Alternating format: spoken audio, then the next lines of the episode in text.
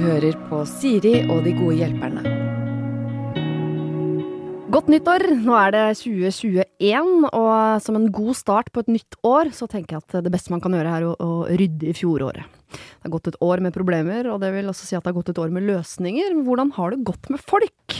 Stiller vi oss spørsmålet. Så vi har nå eh, gått gjennom alle mailene vi har fått fra dere som hører på, hvor dere kommer med tilbakemeldinger på om den hjelpen vi prøver i, om den eh, virker eller ikke. Har dere fått det bedre?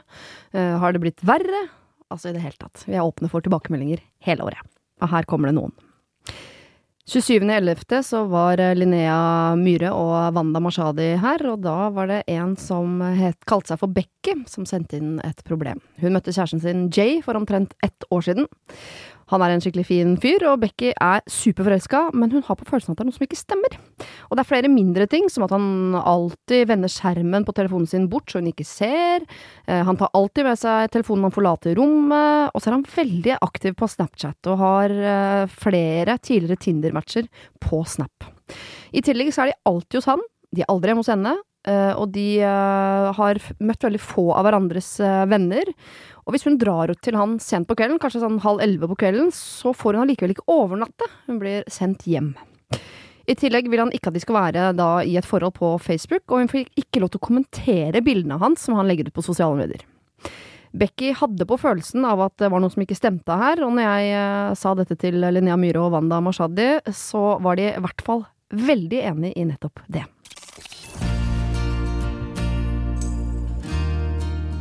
Er det grunn til mistanke her?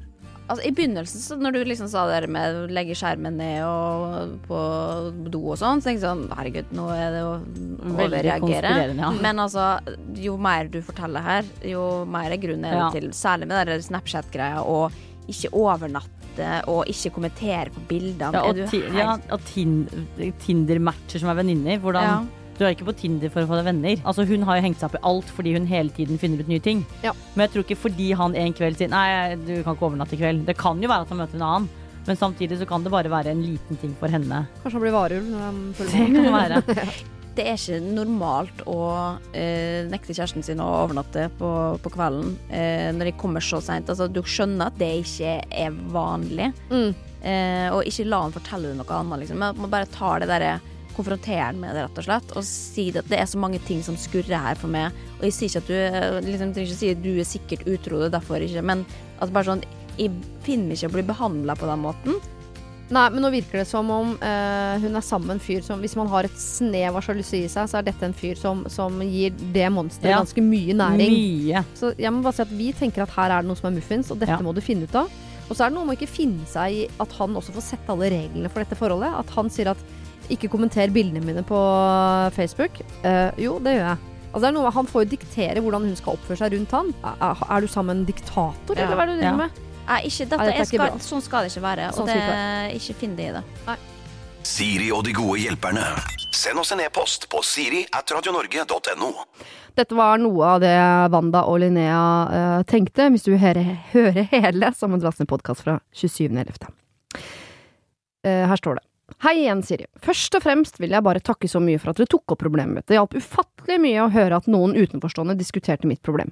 Det har skjedd en del ting siden dere tok opp problemet, jeg begynte å grave litt og fant ut at dere har jo helt rett. Det viser seg at han har spilt et dobbeltspill med både meg og eksen i omtrent et år. Han har løyet og bedratt oss begge. Altså, for en type! Det var jo på en eh, måte så innløs, innlysende da jeg hørte dere diskutere det, og er det én ting jeg har lært, så er det at man skal høre på magefølelsen sin. Selv om det gjør ufattelig vondt akkurat nå, er jeg på en annen side utrolig lettet for at jeg til slutt fikk vite sannheten, og nå kan jeg bruke tid og energi på bedre mennesker. Så igjen, tusen, tusen takk. Hilsen Becky, som nettopp har kvittet meg med 90 kilo giftig avfall. Jeg liker veldig godt at hun kaller eksen sin for uh, giftig avfall. Det er jo uh, Jeg kan ikke si et vondt ord om noen av mine ekser, men jeg kan bare tenke meg liksom, energien med å ligge i og først være veldig forelska i et menneske, og så hate det samme mennesket så intenst. Jeg håper det eh, legger seg, at du får en rolig 2021. 22. mai så var Elskås Furuseth og Markus Neby her, og da fikk vi inn en eh, mail fra en som heter Gry, og mailen startet sånn her. Kanskje er det bare meg, men hvorfor er det så vanskelig å dumpe noen du har datet? Og dette var da en fyr hun, hun var ikke sammen med han lenger, og det, øh, hadde på en måte dumpet han, han flere ganger og sagt jeg har ikke tid til deg, jeg vil ikke mer, jeg har ikke kapasitet, øh, jeg klarer ikke mer. Men han fortsetter allikevel å pushe på. Hun har eh, avvist meldinger, hun har slettet ham fra Snapchat og alle disse tingene. Men han fortsetter å ta kontakt, og han fortsetter å flørte. Og plutselig, når de eh, snakker sammen, kan han begynne å snakke om at de skal ha barn sammen. Og Gry lurer seg på om det fins en bedre måte å dumpe noen på, som man egentlig bare har data. Dette er det Else Kåss Furuseth og Markus Neby som skulle svare på, og her får du noe av det. Nei, for det er jo fryktelig lite strategisk også, hvis du har fått en avvisning og kline på og prate om barn. Du, eh, han kan jo ikke være helt god, han fyren der. Han var hekta, da. Men for vanligvis så er jo ord som eh, passer ikke nå, timing, ikke full match, jeg er gift med jobben. Altså Sånne ting er jo sånne ting som det går an de, de tilbakemeldingene jeg har fått. Og Hva er de beste avvisningene du har fått? Uh, jeg har fått kraftige avvisninger, ja. Tydelige, tydelige. Jeg har fått øh, Du er veldig intens, jeg får ikke puste i samme rom som deg. Oi. Ja, det, det, jo, det, var jo Det var ikke passiv. Det var, det var tydelig. Vi, altså Hvis han vil inni hodet sitt at hun skal like han, så gir hun han muligheten til å tro det. Ja, hun er for passiv der, ja. Så ja. være mer, eh, mer, direkte. Men kanskje da be om en, be om en uh, kaffe, da. Og gjøre det. Uh, ta liksom breakup-samtalen. Nei. Jo, men ikke ta det på SMS-en, Fordi da er det sånn der Han Nei, kan telefon, tolke da. og lese. Ta, ta, det på telefon, greit. Men si be beklager. jeg er ikke interessert. Ja. Vær tydelig med han før vi konkluderer med at han er psykopat. Ja.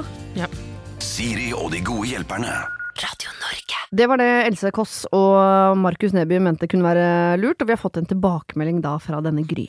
Hei dere, takk for at dere tok opp problemet mitt. Det ble litt av en prosess, jeg ble både slem og streng. Det var som Markus så vidt var innpå, psykopatiske trekk her. Men altså, etter utallige forsøk på å forklare han at jeg ikke var interessert, og blokkering i alle kanaler hvorpå han kunne ringe flere titalls ganger og sende SMS, så tok jeg kontakt med eksen hans for å høre om dette var normalt. Der fikk jeg høre at uh, det var kun blokkering som ville fungere, og litt annen info, som psykopatiske trekk osv. Så, videre. så ja, jeg ble kvitt han til slutt, men det var ikke helt normalt, dette som jeg har vært gjennom. Smil fra Gry! Ok, jeg merker dette er en deilig dag, uh, start på 2021. Vi er kvitt uh, 90 kilo giftig avfall og en psykopat. Så om ikke 2021 blir bedre enn 2020, så skjønner jeg ingenting. Vi går videre til et problem som vi måtte løse i august. Her står det nemlig. Anna er i starten av 20-årene og fremstår som frisk og normal, men har en sykdom som blant annet gir henne kroniske leddsmerter og hypermobile ledd. På gode dager så er aktivitetsnivået på linje med alle andre, men på dårlige dager så kan hun slite med å gå, og hun blir ofte sengeliggende. Dilemmaet til Anna eh, gikk ut på om hun skulle søke om å få rullestol eller ikke. For Anna var redd for hva folk kom til å tenke om henne hvis de så henne i rullestol en dag og på fjelltur den neste. Hun er også opptatt av å klare ting sjøl, liker ikke å vise svakhet, og hvordan hadde en fremmed reagert på scenen plutselig reise seg fra rullestolen? Dette problemet tok vi opp med Niklas Baarli og Christer Røseth, og her får du noe av det.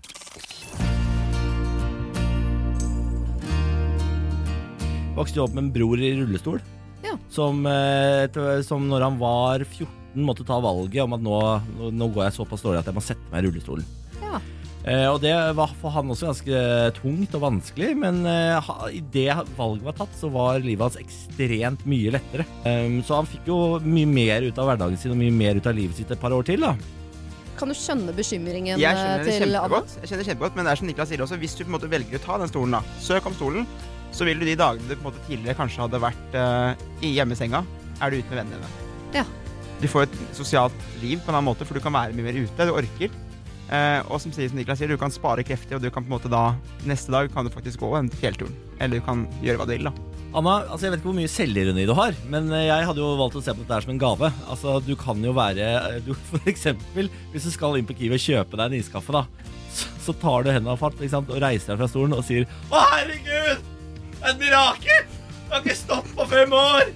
Se for deg den reaksjonen du kommer til å få. Du kommer til å, du kommer til å være, eh, altså, du kommer til å være komisk geni for de rundt deg men klarer å kjenne på lykken du får av å kunne være ute blant venner hver eneste dag. Ja. Til tross for at du har vondt i beina. Ja, Å kunne si sånn 'jeg blir med uansett', Ja. Jeg blir med uansett. Ja. Det, det, er det som er så fint med den her. Og det finnes noen fordeler her som vi ikke har nevnt. Du kommer først i køen på Tusenfryd. Mm -hmm. du, du, rulles helt fram til første vogn i Thundercoaster. Og eh, du får alltid best plass på konsert, for du har ingen rampe hvor du har med lov til å ha med ledsager. Det er alltid ledige billetter, nesten. Jeg har aldri sett han handikaprampe full. Siri og de gode hjelperne. Radio Norge. Anna har også sendt oss en mail hvor det står eh, først og fremst tusen takk for at du tok opp mitt problem. At Niklas hadde erfaring fra eget liv var perfekt, og jeg satte stor pris på at han delte det. For meg var det viktig å få meninger fra andre enn mine egne venner, og etter å ha hørt episoden ble jeg mer trygg på valget mitt. Noen dager senere valgte jeg derfor å sende brev til ergoterapitjenesten for å be om rullestolvurdering, selv om det enda er litt skummelt. Så igjen, tusen takk, dere er best. Og PS, jeg lo godt av forslaget om å blant annet reise meg fra stolen på Kiwi og hente meg en iskaffe, da Kiwi faktisk er min nærbutikk. Vennligst hilsen Anna. I november hadde vi besøk av to gamle kollegaer fra eh, P3, nærmere bestemt P3 Morgen, Ronny Brede Aase og eh, Silje. Eh, og de skulle blant annet hjelpe Una, som skrev at hun hadde en skikkelig fin kjæreste som het Tobias, som hun blei sammen med i våres. Og de to kom fra veldig ulike familier.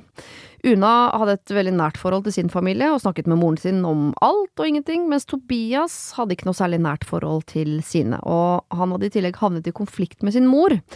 Og Una så ikke på selve problemet som så veldig stort, men skriver at hun forstår at det nok ligger mer i fortiden som hun ikke vet om.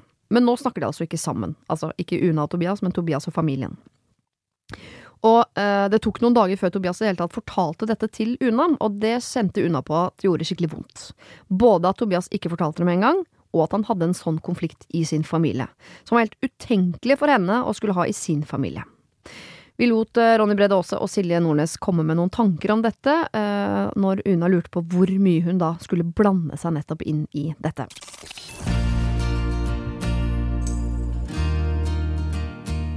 Hvordan man forholder seg til sine foreldre varierer veldig fra folk til folk. Det er det jeg lærte. Ja, og det må være greit. Og det, er en veldig, eller det å lære seg å kommunisere med en kjæreste tar lenger enn et halvt år, var mitt poeng da, egentlig. Ja. Sånn at eh, det, jeg, vil i alle fall, jeg vil i alle fall ikke underbruke tid på å irritere meg over at Tobias brukte noen dager på å komme til deg. Hun skal ikke føle seg trua Nei, nei, nei. av at han ikke gjør det nå med en gang. På grunn av sakens natur, eh, det er komplisert med familie og alt sånn, og det at de har vært i lag relativt kort tid. Da. Mm. Så jeg tenker at akkurat den Skal ikke se på det som liksom det største røde flagget, liksom. Å, å være liksom på lag, Ja. og, og alltid støtte opp om Støtte opp om han. Uh, være der for han. Det er jo dere to som skal, være, som skal danne den nye fronten her, og nye laget. Det er jo, uh, kan jo noen ganger være litt sånn deilig med et blikk utenfra som kan uh, nyansere litt, da. Eh, og gjøre de her sporene litt mindre nedkjørt. Sånn at det faktisk går an å kanskje komme seg ut av det. Jeg tror, jeg tror ikke du får overbevist han om at moren hans for eksempel er veldig hyggelig fordi du syns det.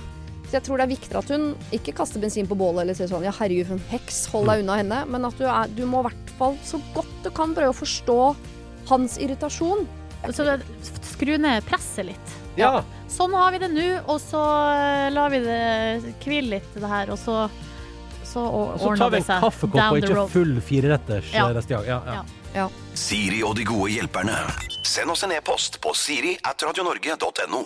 Dette var altså Ronny Brede Aase og Silje Nordnes som kom med sine meldinger da til Una, og Una har sendt oss en ny mail hvor det står Hei, Siri og de gode hjelperne. Tusen, tusen takk for at dere tok opp problemet mitt. Det var veldig fint å høre. Det var fint å få gode råd fra noen utenfra. Jeg er helt enig med dere at eh, vi alle ikke er så heldige at vi har et godt forhold til våre foreldre. Så jeg pratet litt med min mamma om dette, fordi hun selv er oppvokst med en mor som ikke stilte opp for henne. Alle søsknene hennes har også et veldig anstrengt forhold til sin mor, og jeg forstår etter å ha hørt på dere også at vi ikke kan velge våre foreldre, og at noen rett og slett har en kjip mor eller far. Tobias lever fint med å ikke være bestevenn med sine foreldre. Jeg og Tobias har pratet litt om det i etterkant, men jeg har tenkt å sitte stille og vente til eventuelt han tar dette opp. Vi vet at hans foreldre er der, siden vi bor rett ved siden av hverandre.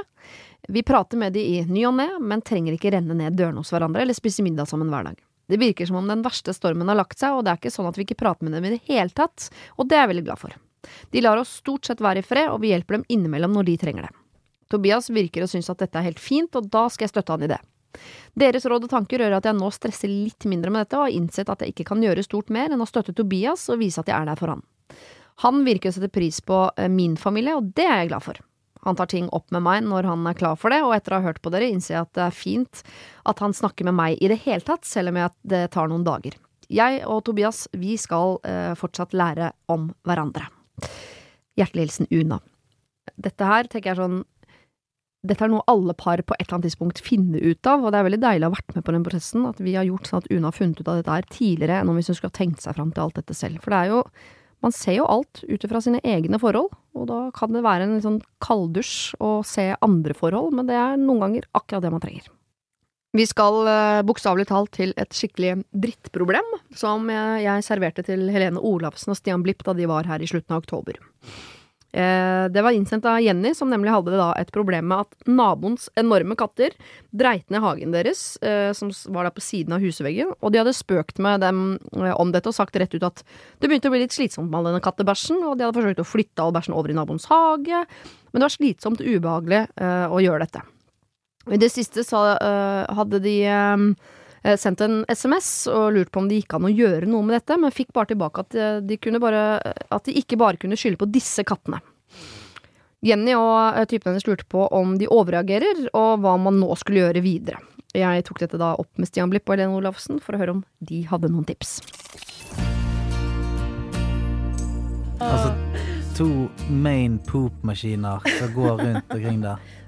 Altså, jeg, eh, jeg, jeg, tenker jo selvfølgelig Det første som popper opp i hodet mitt, hadde vært å gå bort og bare drite utenfor uh, vinduet deres sjøl. Ja, selvfølgelig det første. Ja, ja, selvfølgelig. Det tenkte jeg. Da setter du standard. Virker jo som folk som har litt humor på det. Da. Så, du har sånn babycom-kamera. Ja.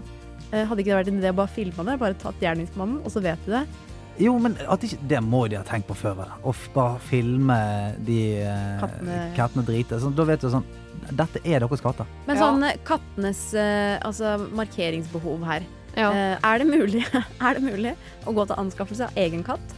Som, som da Som, som motangrep, liksom?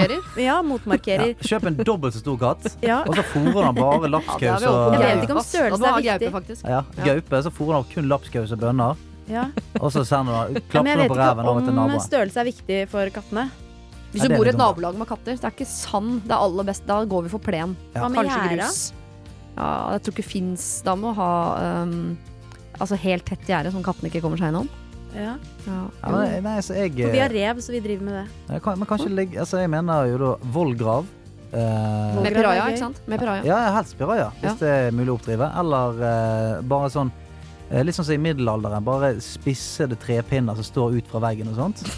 Roser? Ja, rosebusk. Roser. Ja. Rosebusk, det er jo fint. Det er ganske effektivt. Ja. ja. Så det er mange eh, Så kanskje man skal gå på materialene her, rett og slett, rundt huset. Siri og de gode hjelperne.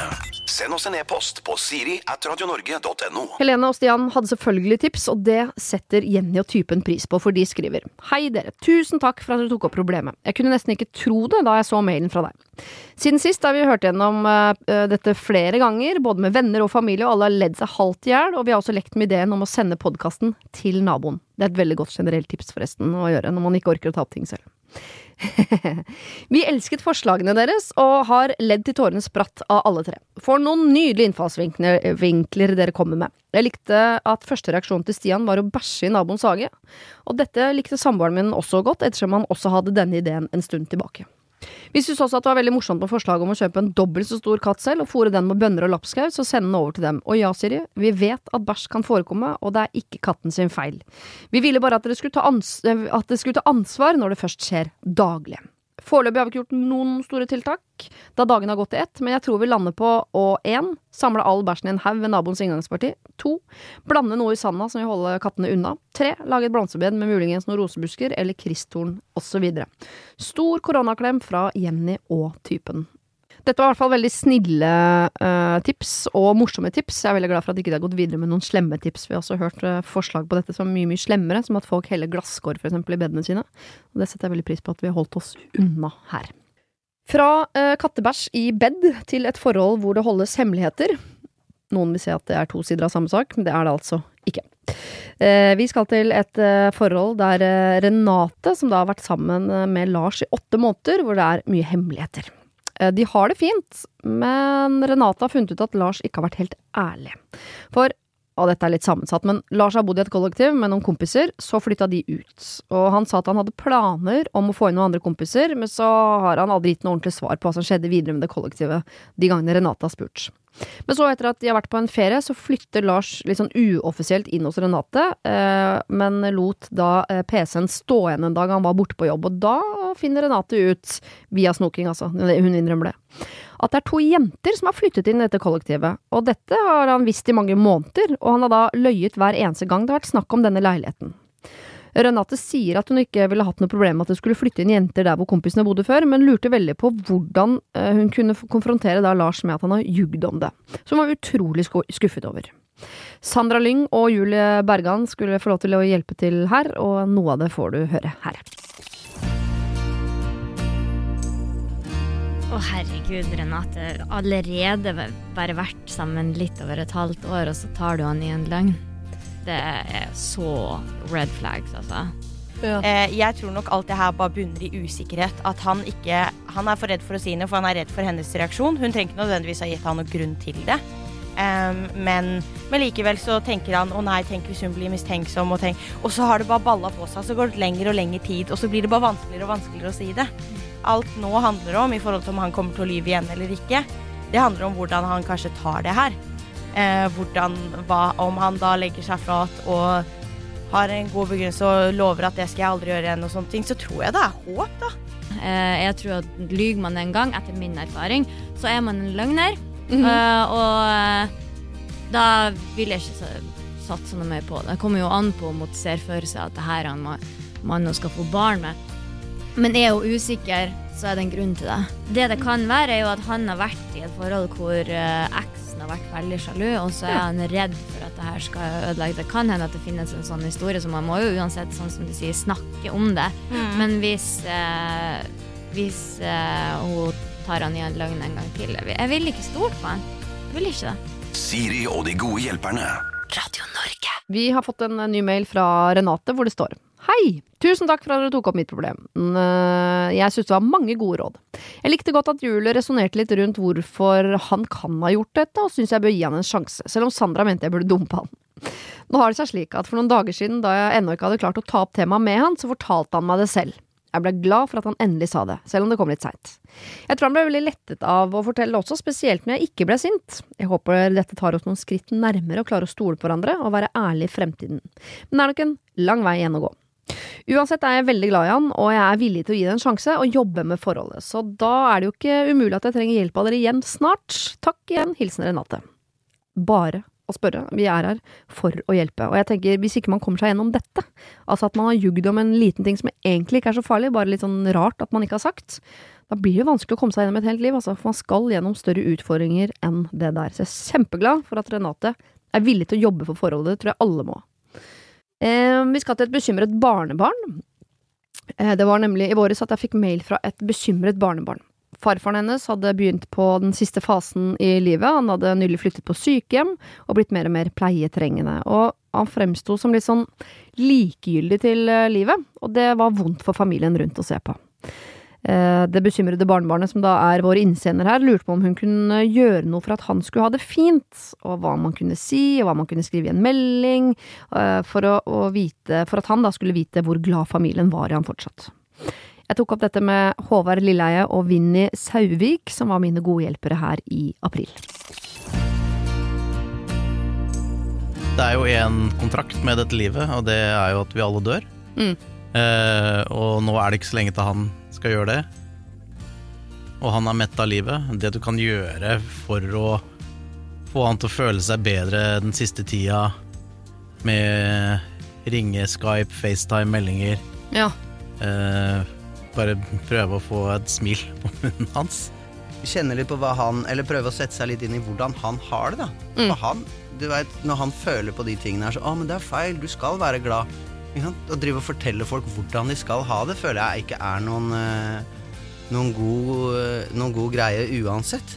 Uh, så det der å, å, sette seg liksom bare Kanskje man skal snu på, snu på det og se liksom hva er det han trenger, da? Kanskje man skal snakke litt om døden? Kanskje man skal kjenne litt på det? Åssen er det å, å, være liksom eh, Å være i den posisjonen han er i, da? For det, jeg, jeg, ser jo, jeg skjønner at det kommer fra et godt sted med den meldinga der, men det føles jo litt som om det der handler om han skal være så glad for oss.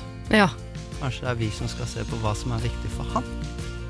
Kanskje du må tenke på hva er det han har hatt gøy med i sitt liv? Hva er det han har elska?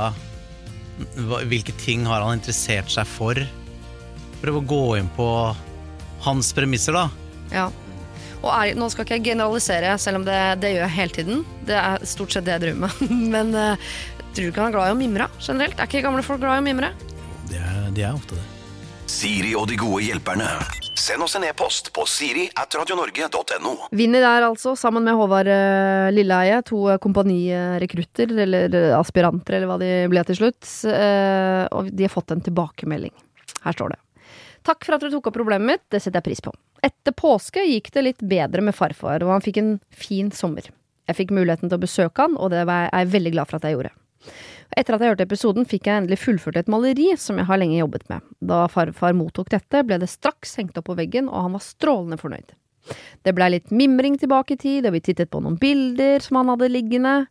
Eh, og eh, senere så farve, eh, sovnet farfar stille inn, han er nå begravet i samme grav som sin kone. Det ble en fin og verdig begravelse, til tross for alt det vonde. Jeg takker for råd jeg fikk, og ønsker dere en god dag videre. Med vennlig hilsen Barnebarnet. Tenk så bra at hun rakk det. Hun ga det bildet, hun ga han en god opplevelse. Hun fikk på en måte uttrykt at hun var glad i han. Hun fikk liksom se eksempler på at han var med og mimre at han var glad i dem. At hun rakk alt dette før det var for seint. Det tror jeg er veldig, veldig, veldig lurt. Så skal vi til en ung jente som ikke orker å være sosial. For eh, Jenny på 19 år har de siste fire årene hatt en sykdom som gjør at hun stort sett er sengeliggende med små Nei, med store smerter. Eh, Jenny tror hun skal bli frisk, men føler at den tiden hun bruker på dette, eh, i løpet av den tiden så kommer hun til å skli fra alle vennene sine, for hun orker ikke å møtes. Og det er ofte hun ikke orker å ringe, hun orker ikke å facetime, og hun er redd for at vennene skal skli helt bort. Eh, og at de ikke skal tenke på henne eller bry seg om henne. Eh, og hun syns det er dumt for at hun alltid avlyser Facebook-avtaler og lignende. Hun ba om tips til hva hun kunne gjøre eller si uh, for å opprettholde et godt vennskap gjennom sykdommen, uh, for at de da ikke skulle glemme henne. Dette problemet tok vi opp i november. Da var det Åse Kleveland og Margaret Berger som var her som mine gode hjelpere.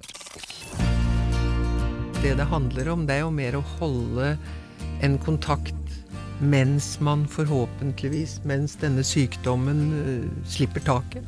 Eh, og måten vi har klart å holde kontakt på, er at vi har en, en Snapchat-gruppe. Mm.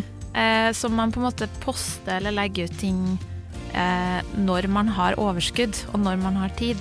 Mm. Kanskje du kan spørre om det Kan vi ha en gruppe? Eh, det har jeg behov for, eller Eller at du Bestem deg for at en gang i året så sender du uh, brev, da, julekort. Ja. Kanskje mammaen din kan skrive det for deg. hvor dere, Du kan begynne allerede liksom nå. Kan du skrive noen setninger i ny og ne som til sammen blir et brev du sender ut. Mm. Hvor du forklarer nettopp det. 'Jeg har lyst, jeg orker ikke'. Men så da om et år, to, tre, når du orker å hekte deg på igjen, så har du noe du kan ta tak i. Men mobilisert noen krefter til å kommunisere til en liten gruppe av de aller viktigste. Eh, at jeg, dere betyr noen ting for meg. Jeg vil ha dere i livet mitt. Mm. Kan vi gjøre det sånn? For det er det jeg får til nå. Mm. Det er også noen ting med den situasjonen når, hun, når man kommer opp, som hun jobber med nå, øh, at øh, å fremdeles tro på, ikke miste troen underveis, på at øh, det er klart, når jeg blir frisk, så vil også dette bli bedre. Siri og de gode hjelperne. Dette var Åse Kleveland og Margaret Berger, da var, de var mine gode hjelpere, hvor de prøvde altså å hjelpe Jenny på 19 år. Og Jenny har sendt oss en stor eh, takk i ettertid eh, for at de tok opp eh, problemet. Det var veldig fint å få råd av tre så kloke og varme mennesker, skriver hun.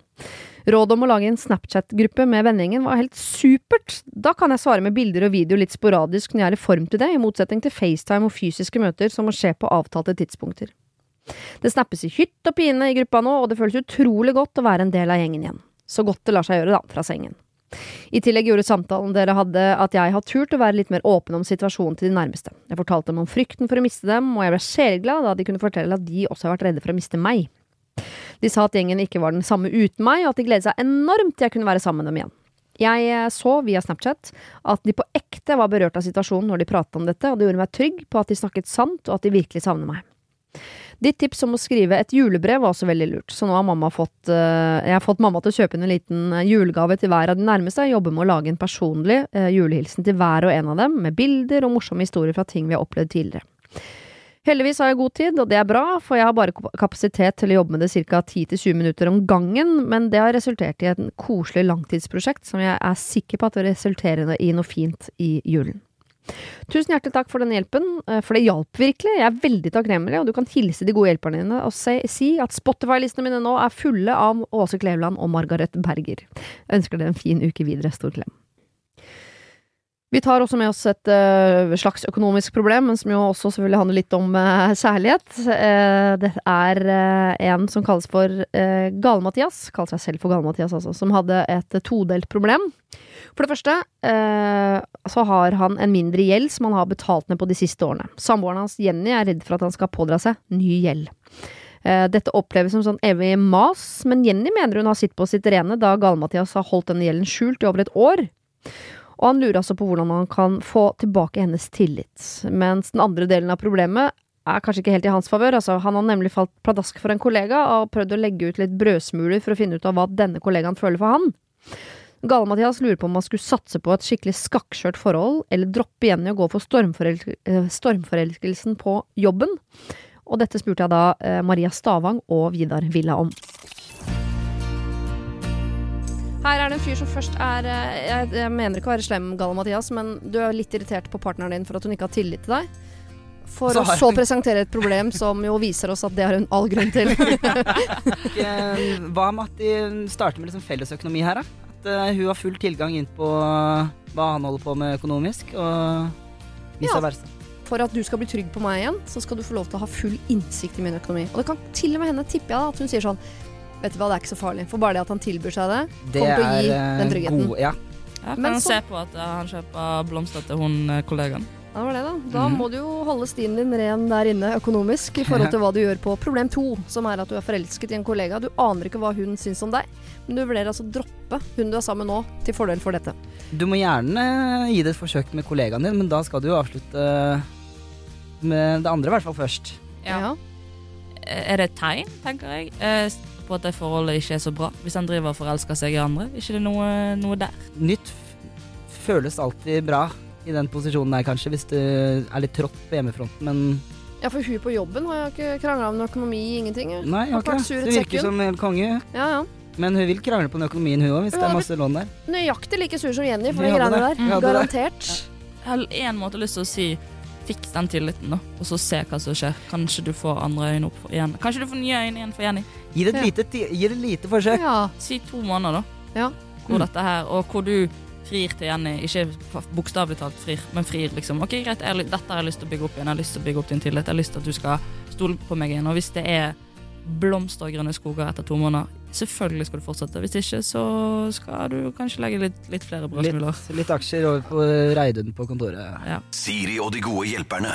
Send oss en e-post på siri at radionorge.no. Maria Stavang og Vidar Villa eh, tok tak i dette todelte problemet fra Gale-Mathias, som var litt økonomisk, men også litt på kanten til utroskap. Eh, og Gale-Mathias har sendt en ny mail hvor det står Hei, og takk for at dere tok opp mine problemstillinger. Vi har nå hatt noen fantastiske uker. Vi har pleiet kjærligheten, og forholdet blomstrer, og vi har det bedre enn på lenge.